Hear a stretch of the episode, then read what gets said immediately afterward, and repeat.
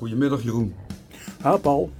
Weet je Jeroen, we hebben alweer een record in Nederland. Op de ijsbaan?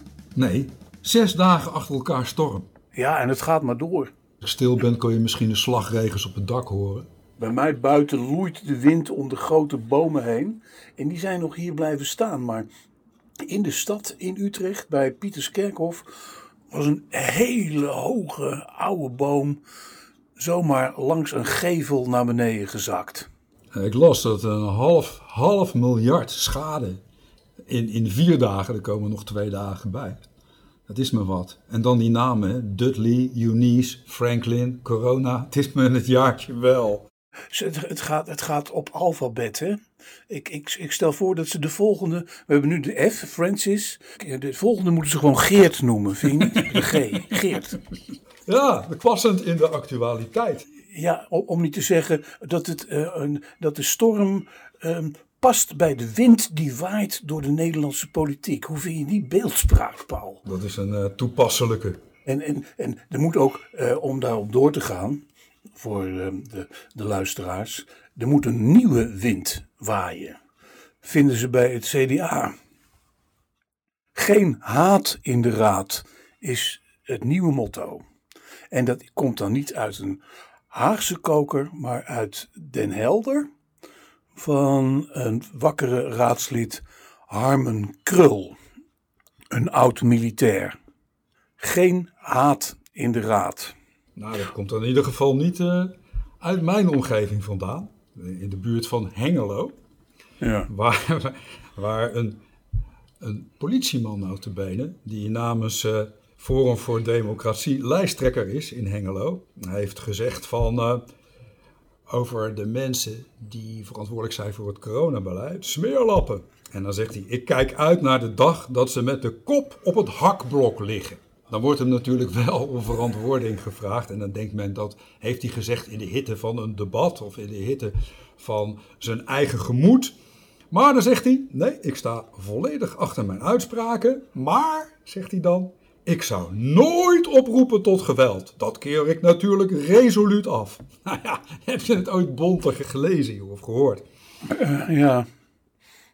Nou het is, het is een, een voorbeeld van ehm, ja, dit krasse taalgebruik, waar je ook de, wel eh, meer proeven van ziet. Clipjes uit eh, ja, gemeentes die je nauwelijks kent. Ehm, ja, het typeert wel eh, ja, de, de, de verruwing in de samenleving. Eh, verruwing die je ook in de Tweede Kamer eh, dus ziet in uitlatingen en debatjes met Forum voor Democratie. We hebben het er vaak over gehad. De PVV kan zich ook af en toe eh, behoorlijk uiten. Hè? Ja, het vaste cabaret van Geert. Alleen vind ik het zo opvallend, zo frappant, dat ehm, zo'n motto als geen haat in de raad, dat is dan ten eerste een oproep om de campagne voor de komende gemeenteraadsverkiezingen fatsoenlijk te laten verlopen, uit de hoek van het CDA komt. Een partij die toch het nodige achter de rug heeft aan eh, intern gescheld eh, afgelopen zomer. En dat ging toen Ja, Pieter Omzicht. Ja. die in, zijn nota maakt hij daar een melding van. Hij heeft toen een brief geschreven. Toen dat onderzoek plaatsvond naar het verlies eh, van het CDA en de positie van Omzicht. En toen meldde hij toch een aantal fikse scheldpartijen die hij in zijn mail kreeg. Er werd gesproken van eh, psychopaat, teringhond, eh, werd labiel genoemd. Dus eh, bij het CDA kunnen ze er ook wat van, Jeroen. Ja, het is niet heel erg christelijk hoe ze elkaar bejegenen. En ik, ik vat dan eh, zo'n campagne nu ook op als een soort van ehm, schoonmaak. Een, een, een- een- het schoonmaak van het eigen blazoen van het CDA. Ja, dat denk ik ook. Een partij die zich bezig hield met zelfbeschadiging op deze manier. Die eh, ook natuurlijk voor het beeld eh, juist nu weer het braafste jongetje van Nederland eh, moet gaan uithangen. Nou ja, iemand moet het doen, hè? Iemand moet het Ja, doen. nou ja, je, je kunt het ermee eens zijn. eh, eh, Maar de, de eh, Tweede Kamer die heeft ook een nota gekregen van de Kamervoorzitter. ja. En daarin worden ook in de Tweede Kamer maatregelen getroffen om dit soort uitspraken in ieder geval niet meer in de Tweede Kamer plaats te laten vinden. Er had over gedebatteerd zullen worden vorige week. Maar helaas, de Kamervoorzitter had een coronabesmetting opgelopen. Dus we wachten af wanneer deze discussie nu gaat plaatsvinden. Maar we weten al dat in ieder geval de PVV er niet actief aan deel wil nemen. En ja, Wilders noemde die nota eigenlijk knettergek. Tuurlijk. Het was wel opvallend trouwens dat bij eh, een, een, debat met minister Kuipers tussen Gideon van Meijer, Meijeren en hem, de Kamervoorzitter, toenmalig, die op dat moment van dienst was, dat was de PVV'er Martin Bosma, wel ingreep. Dat was goed. Ja, maar die, die, die kan dat. Die kan dat. Die is uh, heel scherp van de tongriem ook. Tong, tongriem gesneden. Uh, overigens ook uh, Martin Bosma, de man achter bepaalde krasse uitspraken van Geert Wilders. Ongeveer de ghostwriter van Wilders in het verleden. De, de kop tax kwam van Martin Bosma. Maar hij blijkt dus ook uh, wel uit een ander vaatje te kunnen tappen. En ja, dat vind ik sterk. Het is natuurlijk nodig dat die discussie in Den Haag wordt gevoerd. Vraag me alleen steeds af of het wel gaat lukken. gelet op ja, de, de, de, de stemming in het land. Over, over winden die waaien gesproken. Je mag hopen dat die wind gaat liggen. Maar ik vind het uh, behoorlijk van God los, uh, moet ik zeggen. Uh, dat, dat, is toevallig ook de titel van een expositie in Utrecht. Het gaat heel erg over de jaren 60 in het Katerijnenconvent. Nou ja, dat hebben wij als jongetjes nog wel net meegekregen. Toch een, een algemene revolte in de samenleving, die ook te maken had met kwesties in de kerk. Daarom is zo'n tentoonstelling in het Katerijnenconvent. Maar eh, eh, God, het begrip God, kwam heel erg onder druk te staan. Mensen keken naar televisie, zagen de oorlog en het onrecht in de wereld en vroegen zich uh, af of die God eigenlijk nog wel bestaat. Anticonceptiepil maakte vrijelijk seksueel verkeer veel makkelijker, 60 jaar geleden. 60 jaar later, zeg ik, de 60's zijn inmiddels 60, is toch ook wel weer een hele nare omslag in de samenleving uh, duidelijk. Je ziet het aan uh, de wantoestanden, bijvoorbeeld nu recentelijk met Mark Overmars, uh, Ajax-directeur, met zijn dickpics van God los. Ja, wat dacht je van ja. Lil Kleine?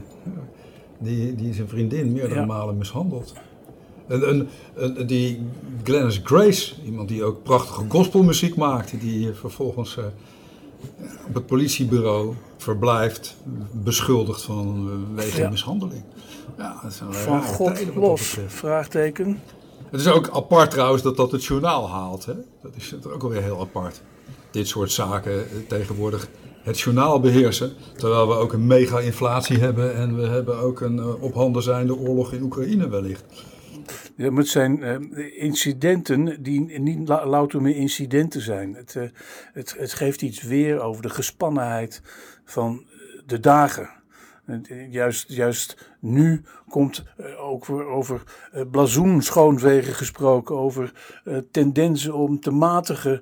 Ook de premier weer met een oproep tot verbroedering, omdat hij heeft gemerkt, hij heeft goed opgelet, Mark, dat door corona de lontjes in de samenleving zo kort zijn geworden. Ik vind dat een, een mooie oproep, maar of die realistisch is, samen met geen haat in de raad, typeert het hoe ver het gesteld is met onze samenleving. En uh, ja, over, over uh, Oekraïne gesproken kijk dat met een mengeling van bezorgdheid, zelfs wel enige angst en, en, en daarnaast grote vraagtekens naar.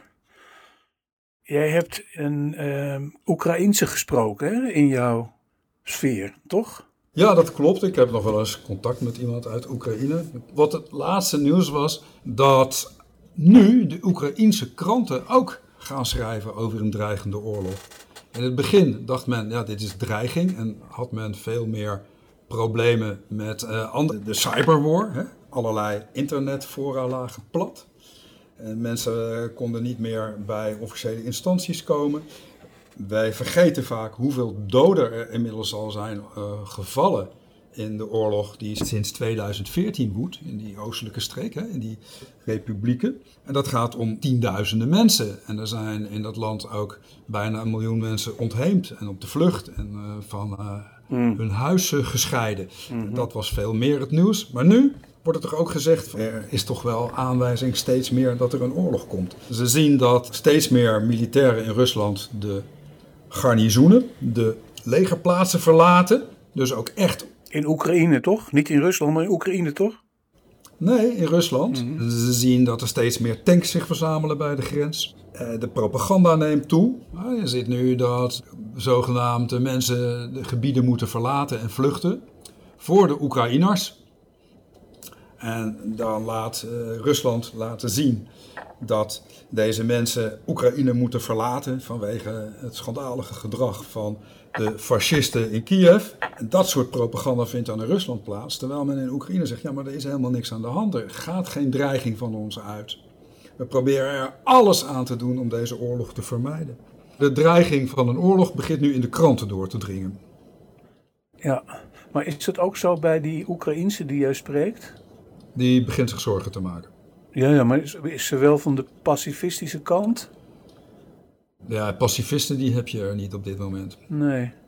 Mensen voelen zich al, al jarenlang, en als ze verder teruggaan in de geschiedenis, al tientallen jaren lang onder druk gezet door Rusland. Ja. En ze kunnen zich ook niet vinden in die gemeenschappelijke mythe die Poetin steeds schept.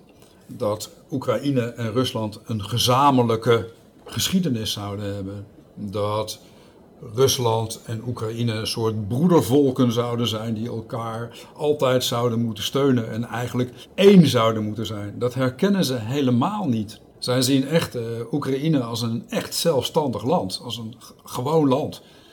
En wat dat betreft voelen ze zich ook een beetje in de steek gelaten. Zeg je? Ja. Poetin heeft er toch een essay over geschreven ook? Nou, Poetin ja, heeft er een essay over geschreven. Een belangrijk essay. Dat is geschreven in juli vorig jaar. En daarin geeft hij zijn visie op de geschiedenis van de Oekraïne. Ik las een goed artikel van Timothy Snyder, iemand die de Oekraïne goed kent, een historicus, en die zegt ook: dat is mooi, een essay over de gezamenlijke geschiedenis, maar die gezamenlijke geschiedenis die is er helemaal niet. Het is puur propaganda. En het aparte van dat essay is ook dat er echte imperialistische tendensen in zijn te herkennen. Waarbij Rusland probeert gebieden te claimen. Dat gebeurt natuurlijk altijd, hè? En dan onder het mom voor de eigen veiligheid, of ze lokken ergens iets uit. En dan grijpt het Russische leger in. En dat hebben we gezien in Georgië, dat hebben we gezien in Wit-Rusland, dat hebben we gezien in Oekraïne. De Krim die geannexeerd is en de, de grote invloed die ze hebben gecreëerd in twee republieken. Dat is een spannende tijd. Ja, dan gaat het, dan gaat het ook strategisch gezien over een argument als dat Oekraïne een bufferstaat zou zijn. Hè? Uh, Rusland dat altijd weer is aangevallen vanuit het westen.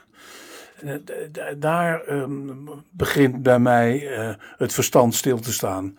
Want Poetin die heeft wat dat betreft ja, aan, agressiviteit en aanvalsdrift vanuit het Westen toch helemaal niets te vrezen. Ik bedoel, ik, ik, ik vind dat dus het onderdeel waanzin.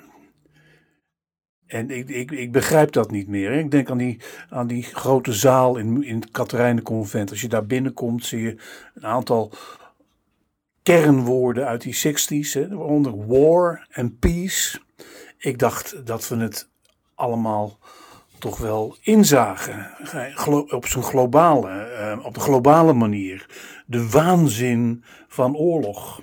Uh, het, het, vreemde ook, we hebben net met z'n allen de hele wereld een onzichtbare vijand bestreden, corona.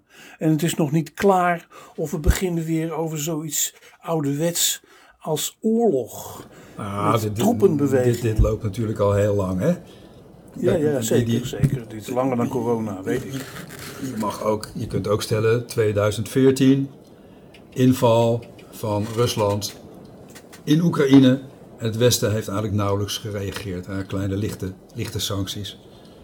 het neerschieten van het passagiersvliegtuig, hè? Dat, eh, MH17. Ja, MH14. 17 dacht ik toch? Ja. Eh, eh, Dat herinneren we ons. Maar dat was in die strijd. Dat, dat gebeurde daar.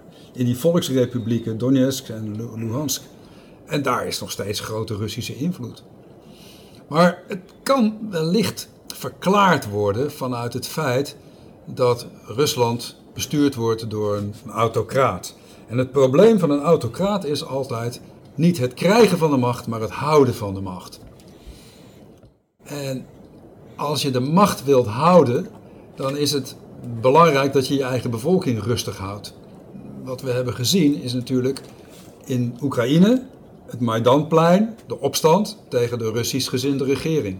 Wat we hebben gezien is in Wit-Rusland de opstand van de bevolking na verkiezingen, waarbij de dictator zijn meerderheid leek te verliezen, maar gewoon de macht behield tegen alle opiniepeilingen en gedachten van de bevolking in. Daar kwam ook een geweldige opstand, is ook neergedrukt door het leger van Wit-Rusland zelf met behulp van Poetin en zijn militairen. En het is zeer te verklaren dat Poetin bang is voor die, die kleurenrevoluties. En al die landen om Rusland heen hebben dat min of meer meegemaakt. En Poetin die schermt dat af. En die zorgt dat zijn invloed in die landen groot is. En het zou best wel eens kunnen gaan om eigen lijfsbehoud. Het is, eh, Een dictator is altijd uit op een eh, eeuwig bewind. ja, het, is, het is allemaal psychologie van een eh, blijkbaar eh, benarde persoon. Ik kan het ook niet helemaal uitleggen. Ehm, ik ben eh, natuurlijk niet helemaal een Rusland-watcher. Ik heb onlangs wel een aardige Facebook-post gelezen van de voormalige Rusland-correspondent van het Algemeen Dagblad onder andere, Peter Damekoer. Die stelt of die analyseert of observeert dat Poetin eh, geniet van zijn rol in het toneel van wereldleiders. Dat hij ervan geniet om de Franse pre- president Macron aan die lange tafel te hebben. Dat hij ervan geniet om iedereen over de vloer te krijgen met grote zorgen. Dan weer de Duitse bondskanselier. Eh, en binnenkort eh, dan ook maar weer eens een keer een gesprek telefonisch met Biden. En stelt Damekoer, en dus die rol raakt Poetin kwijt van al die prachtige overleggen met de groten van deze wereld, zodra die oorlog gaat voeren. Eh, dus dat is ook een observatie. Dat is ehm, wat, wat, wat ook meespeelt. Maar in welke zin speelt dat dan mee? Is dat voor hem belangrijk? Hij wil zijn macht tonen, hij wil zijn invloed tonen. Een, een, land bezetten, ja, dan heb je de invloed wel laten zien. Ja, ja, maar er is nog iets anders, wat ik ook lees, links en rechts, dat er in Rusland zelf eh, voldoende te doen is aan de economie. Dus eh, Nou ja, dat heeft natuurlijk te maken met machtsbehoud. Als dat soort dingen gaan tanen, als daar problemen op eh, duiken, dan hebben dictators altijd de neiging om een buitenlandse vijand aan te wijzen. ja, nou precies.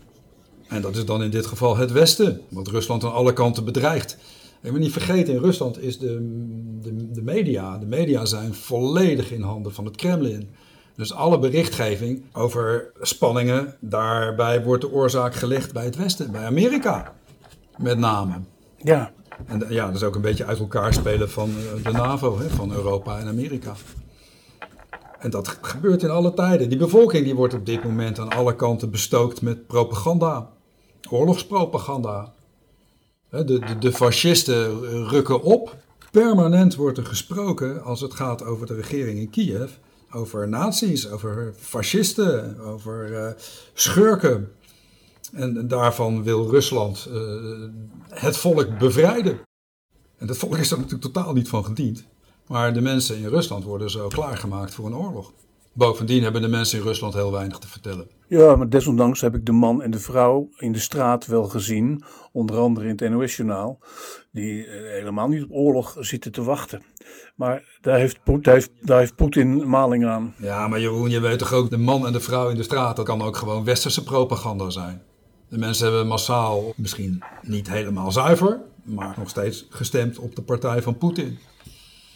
En morgen is er een interessante dag. Dan, dan morgen is dinsdag. Hè, dan moet er in de Duma worden gestemd over de mogelijkheid tot oorlog. En dan zal het parlement al of niet zijn goedkeuring daaraan hechten en Poetin de ruimte geven om te beslissen naar eigen goeddunken. En als er dan nog iets van een volksvertegenwoordiging is, nou, gaan we beleven. Tussen maar zo de melden in de straat, daar heb ik altijd een beetje problemen mee. Want wie laat je horen en wie laat je niet horen? Want vind je het prettig om uh, oorlogspropaganda te laten horen in westerse media? Ik weet het niet. Nee, maar het zou natuurlijk ook, dat, ik snap dat, dat, is, dat maakt onderdeel uit van de massapsychologie en de, de bespeling der zielen. Uh, toch zou ik niet al te geringschattend denken over uh, wat mensen in Moskou ervan vinden. Het alleen punt is, nogmaals, Poetin heeft daar mogelijk scheid aan. Aan de andere kant, en uh, dat mis ik enigszins, Ehm, hoe het is in Amerika. Dat eh, Biden en nu ook zijn vicepresident Kamala Harris opperen steeds meer eh, eh, over de inval die aanstaande is. Maar Amerika. Ja, maar ook iets heel belangrijks daarnaast. Zij laten ook weten dat ze niet militair betrokken willen worden. Nee, dat, dat is het nou juist. Amerika is net klaar met Afghanistan. En, en het werd uh, ook Precies. nogal een, uh, een betreurenswaardige aftocht daar. Dus ik denk dat uh, mm -hmm. Biden en Harris ook de grootst mogelijke moeite zullen hebben om de Amerikanen rijp te maken voor een oorlog. Ja, maar wat voor oorlog heb je het dan? Als, je, als ze nu al zeggen, wij gaan niet militair ingrijpen. De NAVO kan toch niet zonder Amerika? En als er niet militair wordt ingegrepen, wat dan? Kijk, sancties. Nou, die worden langzamerhand wat explicieter, worden wat meer genoemd. Bijvoorbeeld het uitsluiten van het financieel systeem eh, van het Westen. Maar ja, we hebben ook gezien dat Poetin gepraat heeft met Xi tijdens de Olympische Spelen. En dat die nauw met elkaar hebben gepraat. En dat zijn toch ook twee machten, waarvan vooral China een grote macht vormt, ook economisch, die monetair best een oplossing kunnen bieden.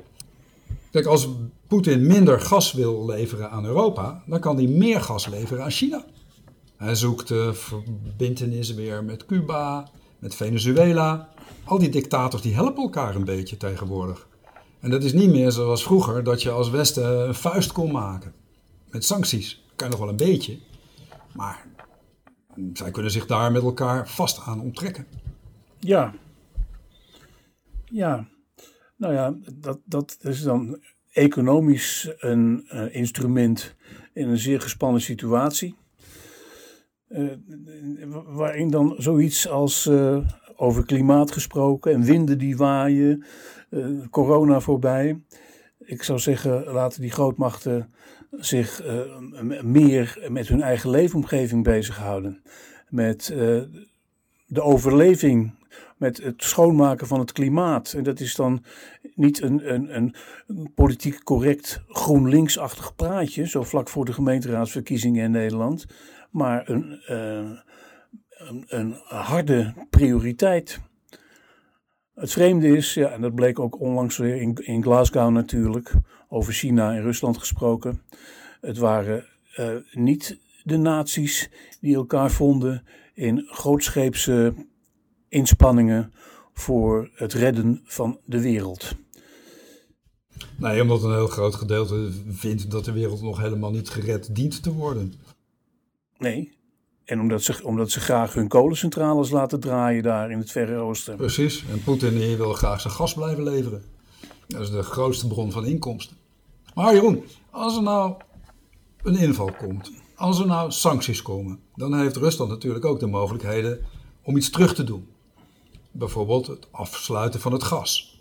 Dat zal grote gevolgen hebben in West-Europa. Ook in Nederland. Dan krijgen we er nog eens een crisis bovenop. Ja. Kijk, daar hebben ze in Amerika geen last van. Maar wij in Europa hebben daar wel heel veel last van. En dat gaat ook weer een druk leggen om de defensie te verstevigen. Daar zal dan ook wel geld naartoe moeten. Het, het gaat ons absoluut problemen opleveren. Dus het is, ik vind het een spannender aangelegenheid dan ik soms om mij heen hoor. En mensen zijn nog met van alles bezig, met corona, met, uh, met gemeenteraadsverkiezingen, maar dit is wel een hele grote dreiging hoor. Ja. Je ziet nu al beurzen storten in, er worden verliezen geleden overal. Nou, de, de, energierekening die gaat nu al met meer dan 80% omhoog. Hoe gaat dat straks worden als het gas uit Rusland gaat opdrogen? Dan komen we acuut in de problemen. Nou, wat doet dat met de bevolking in Europa, die toch al hopeloos verdeeld is? Ik, uh, het is een zorgelijke tijd. De lontjes, de lontjes, Paul, ze zullen niet langer worden.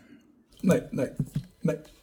Dat wordt inflatie, ik noemde het net, hè. dat is natuurlijk ook iets wat, wat eerder, als je kijkt naar 1930, tot een grote mondiale crisis heeft geleid, die ook mede aan de basis heeft gestaan van de Tweede Wereldoorlog. Nou, hoe gaat dat met de Europese solidariteit als die inflatie maar door en door mekkert? En als de regeringen niet in staat zijn om daar iets aan te doen. De Europese bank die koopt nog steeds de schulden op van landen. Ja, dat eist een enorme solidariteit tussen de veelverdienende en de minder verdienende landen. De landen met een grote staatsschuld en de landen met een kleine staatsschuld. Het wordt toch wel spannend allemaal. Aan de andere kant zie je dat de regering, de Nederlandse regering natuurlijk, heel erg profiteert van die inflatie.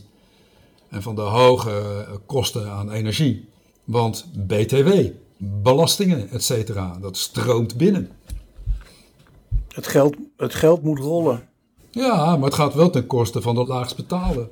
We hebben het over allerlei leuke dingen die we kunnen doen. Uh, musea, dierentuinen, pretparken, theaters. Gelukkig maar. Cafés, restaurants. Gelukkig maar. Maar er zijn... Gelukkig er maar. Zijn, ja, ja, gelukkig maar. Maar er zijn nu op dit moment al een steeds, uh, steeds groter groeiende groep mensen... die uit eten zich helemaal niet meer kan permitteren. Nou, dat is niet goed, Jeroen. Dat is ook een tikkende tijdbom in je samenleving.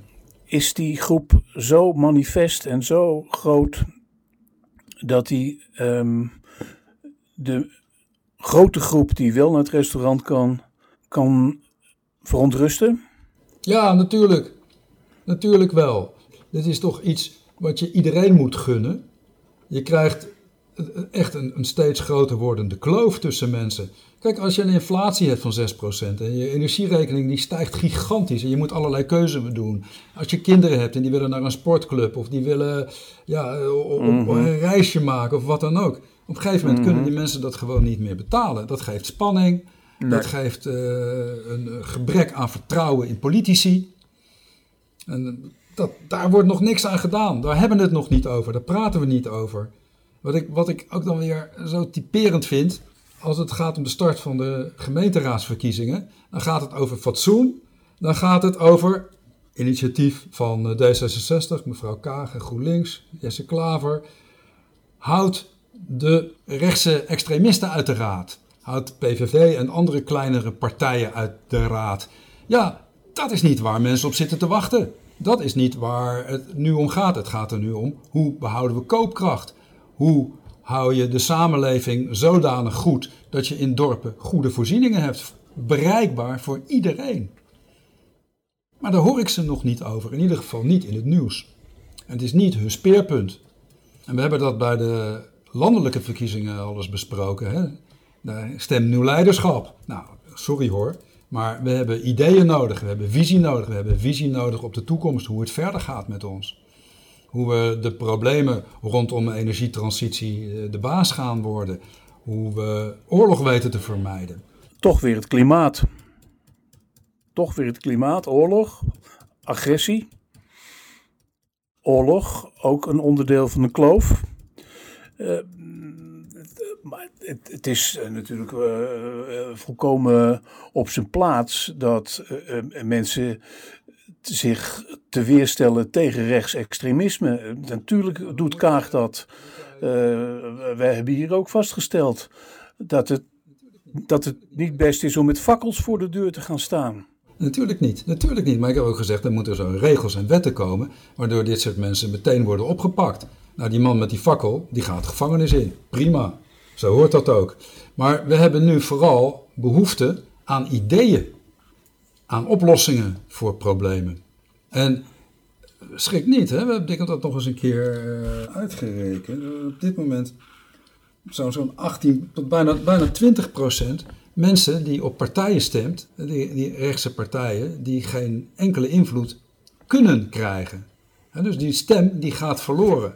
En dan kunnen die mensen zich of afkeren van de politiek, of manifest op dit soort partijen blijven stemmen. Maar dat geeft natuurlijk een spanning. Wat gebeuren moet, is dat de mensen die zich aangetrokken voelen tot dit soort partijen, bevrijd worden van hun, hun angsten. En dan moet je daar ideeën tegenover zetten. En net zoals uh, in Amerika, met mevrouw Clinton die het had over de deplorables. En Trump die kwam met allerlei ideeën voor werkgelegenheid en noem maar op. Je kunt ervan vinden wat je wilt. Maar hij trekt daardoor wel mensen aan. En hier zou het tegenovergestelde moeten gebeuren. Minimumloon omhoog, btw omlaag, uh, bescherming van de, de zwakkeren in, in, de, in de steden, in de, in de provincie, op het platteland, in de gemeentes. Samenwerking, uh, dat soort zaken. Respect voor elkaar. Verbroedering. Samen ideeën op. Ja, de armrijken, dit gaan we samen doen. Dat is natuurlijk wat uh, in de gemeentepolitiek de komende jaren, ook uh, hier in Utrecht, uh, ten eerste moet gebeuren. Want er is natuurlijk een hele generatie, nog steeds van boven de 30, die amper aan woningen kunnen komen. dat zijn, los van rechtsextremistische tendensen, vrij grote problemen die, die door de hele samenleving heen snijden. Dus dat is de financiële, economische opgave voor de komende tijd, naast het klimaat. En het is natuurlijk zo dat die proportie kiezers groot is. En we zullen eh, bij de verkiezingen straks, halverwege maart, ook de balans kunnen opmaken. Hoe Nederland zich op dit moment opstelt in omarming en verbroedering, dan wel verscherping van de tegenstellingen. En uh, ja, dat is uh, nog geen vrolijk vooruitzicht, denk ik. Ik weet het niet. Het zal moeten blijken. En wat dat betreft, ja, tot nu toe merk ik er weinig van. Alleen is uh, het, uh, wat jij zegt natuurlijk volkomen waar. Dat de landspolitiek zich op deze manier toch wel danig uitdrukt tegen een aantal partijen en ze daarmee ook uitsluit.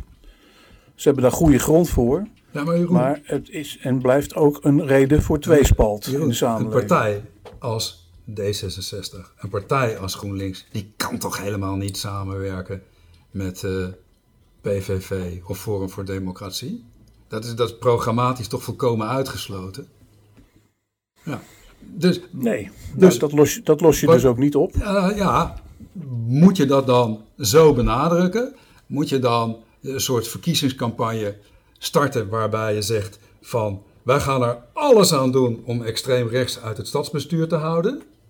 Of moet je zeggen wij hebben ideeën om de stad te verbeteren voor de mensen, om de, om de problemen van de mensen die we erkennen te gaan oplossen? Dat zul je moeten gaan doen. Kijk, ik woon hier in, het dorp, in, in, de Achterhoek, in een gemeente, best wel een grote gemeente. Maar ik heb geen idee wat partijen willen. Er is één partij die profileert zich doordat ze tegen windmolens zijn. En uh, ja, daar hoor ik nog wel eens wat over. Daar hoor ik mensen nog wel eens over praten. Die voelen daar ook een soort proteststemmogelijkheid toe. We hebben die andere partijen niet de, de mevrouw van de Plas doet hier niet mee en dat soort partijen uh, hebben we ook niet. We hebben hier geen Forum voor Democratie, geen eh, PVV, geen Volt. Alle partijen die zijn er allemaal niet. Dus ja, het blijft bij lokale partijen, lokale politiek. Maar wat haalt het nieuws? Een wethouder die aftreedt op de dag voordat ze de verantwoording wordt geroepen en dan zegt ja, ik uh, ga nu maar weg, want ja, straks kan ik weer, weer, weer lijsttrekker worden en dan heb ik weer kans om opnieuw uh, wethouder te worden. Waarop haar partij zegt, nou mevrouw, dat hebben we nog niet, niet uitgemaakt. Maar dat is natuurlijk niet waar het om moet gaan. Hè? Het moet gaan om, uh, houden we de sportclubs, uh, houden we nog uh, winkels hier, hoe gaat het met de huizen voor jonge mensen. Maar dat soort zaken die speelt. Hoe is het met de, de boeren die hier de kost verdienen. En dat zijn dingen die echt heel belangrijk zijn voor die lokale gemeenschappen. Alles wat, wat gewoon van essentieel belang is voor de binding in de samenleving. Ja, precies. Daar zit de ware verbroedering. Ja, en dan gaat het om ideeën en niet elkaar afkappen. En dan gaat het om uh, naar elkaar luisteren en dan gaat het om elkaar respecteren. Nou, ik hoop dat ze daar in de Kamer een begin mee gaan maken. In ieder geval, die notitie van mevrouw Bergkamp, als die wordt aangenomen, dan biedt het in ieder geval handvaten. Ja, dat is, dat is uh, nodig. Dat is noodzakelijk voor de, het verbeteren van het bestuursklimaat. Alleen wat jij zegt, op uh, lokaal niveau, op regionaal niveau, is het uh, ook heel erg bitter noodzakelijk dat genoemde voorzieningen, alleen maar als een sportclub, uh, dat dat blijft. Ja. En dat er wordt gedaan tegen de groeiende armoede. En daar zijn de waarlijke constructieve inhaalslagen te maken. Precies. Misschien dat dat, misschien dat dat ook bijdraagt tot de vermindering van haat in de raad. Ja, dat denk ik wel. ja, het is een uh, gekke tijd, vind ik. Ik vind het een, een, rare tijd, een moeilijke tijd. Een tijd waar je uh, ja, het idee hebt dat je geen enkele invloed hebt meer op wat er hier overkomt. Maar goed, Jeroen, we zien het. En laten we erover blijven nadenken en laten we er ons op blijven voorbereiden. Trouwens, de mensen die geïnteresseerd zijn in de nota van mevrouw Bergkamp, er staat een samenvatting op de Haktak Facebookpagina. Kijk, dat is mooi leesvoer. Nieuwe geloofsbeleidenis. In een goddeloze tijd. Goed. Hey, we hebben weer uh, bijgepraat. Oké okay, joh, oké. Okay. Tot uh, volgende week, Jeroen. Ja, Paul. Hoi. Hoi.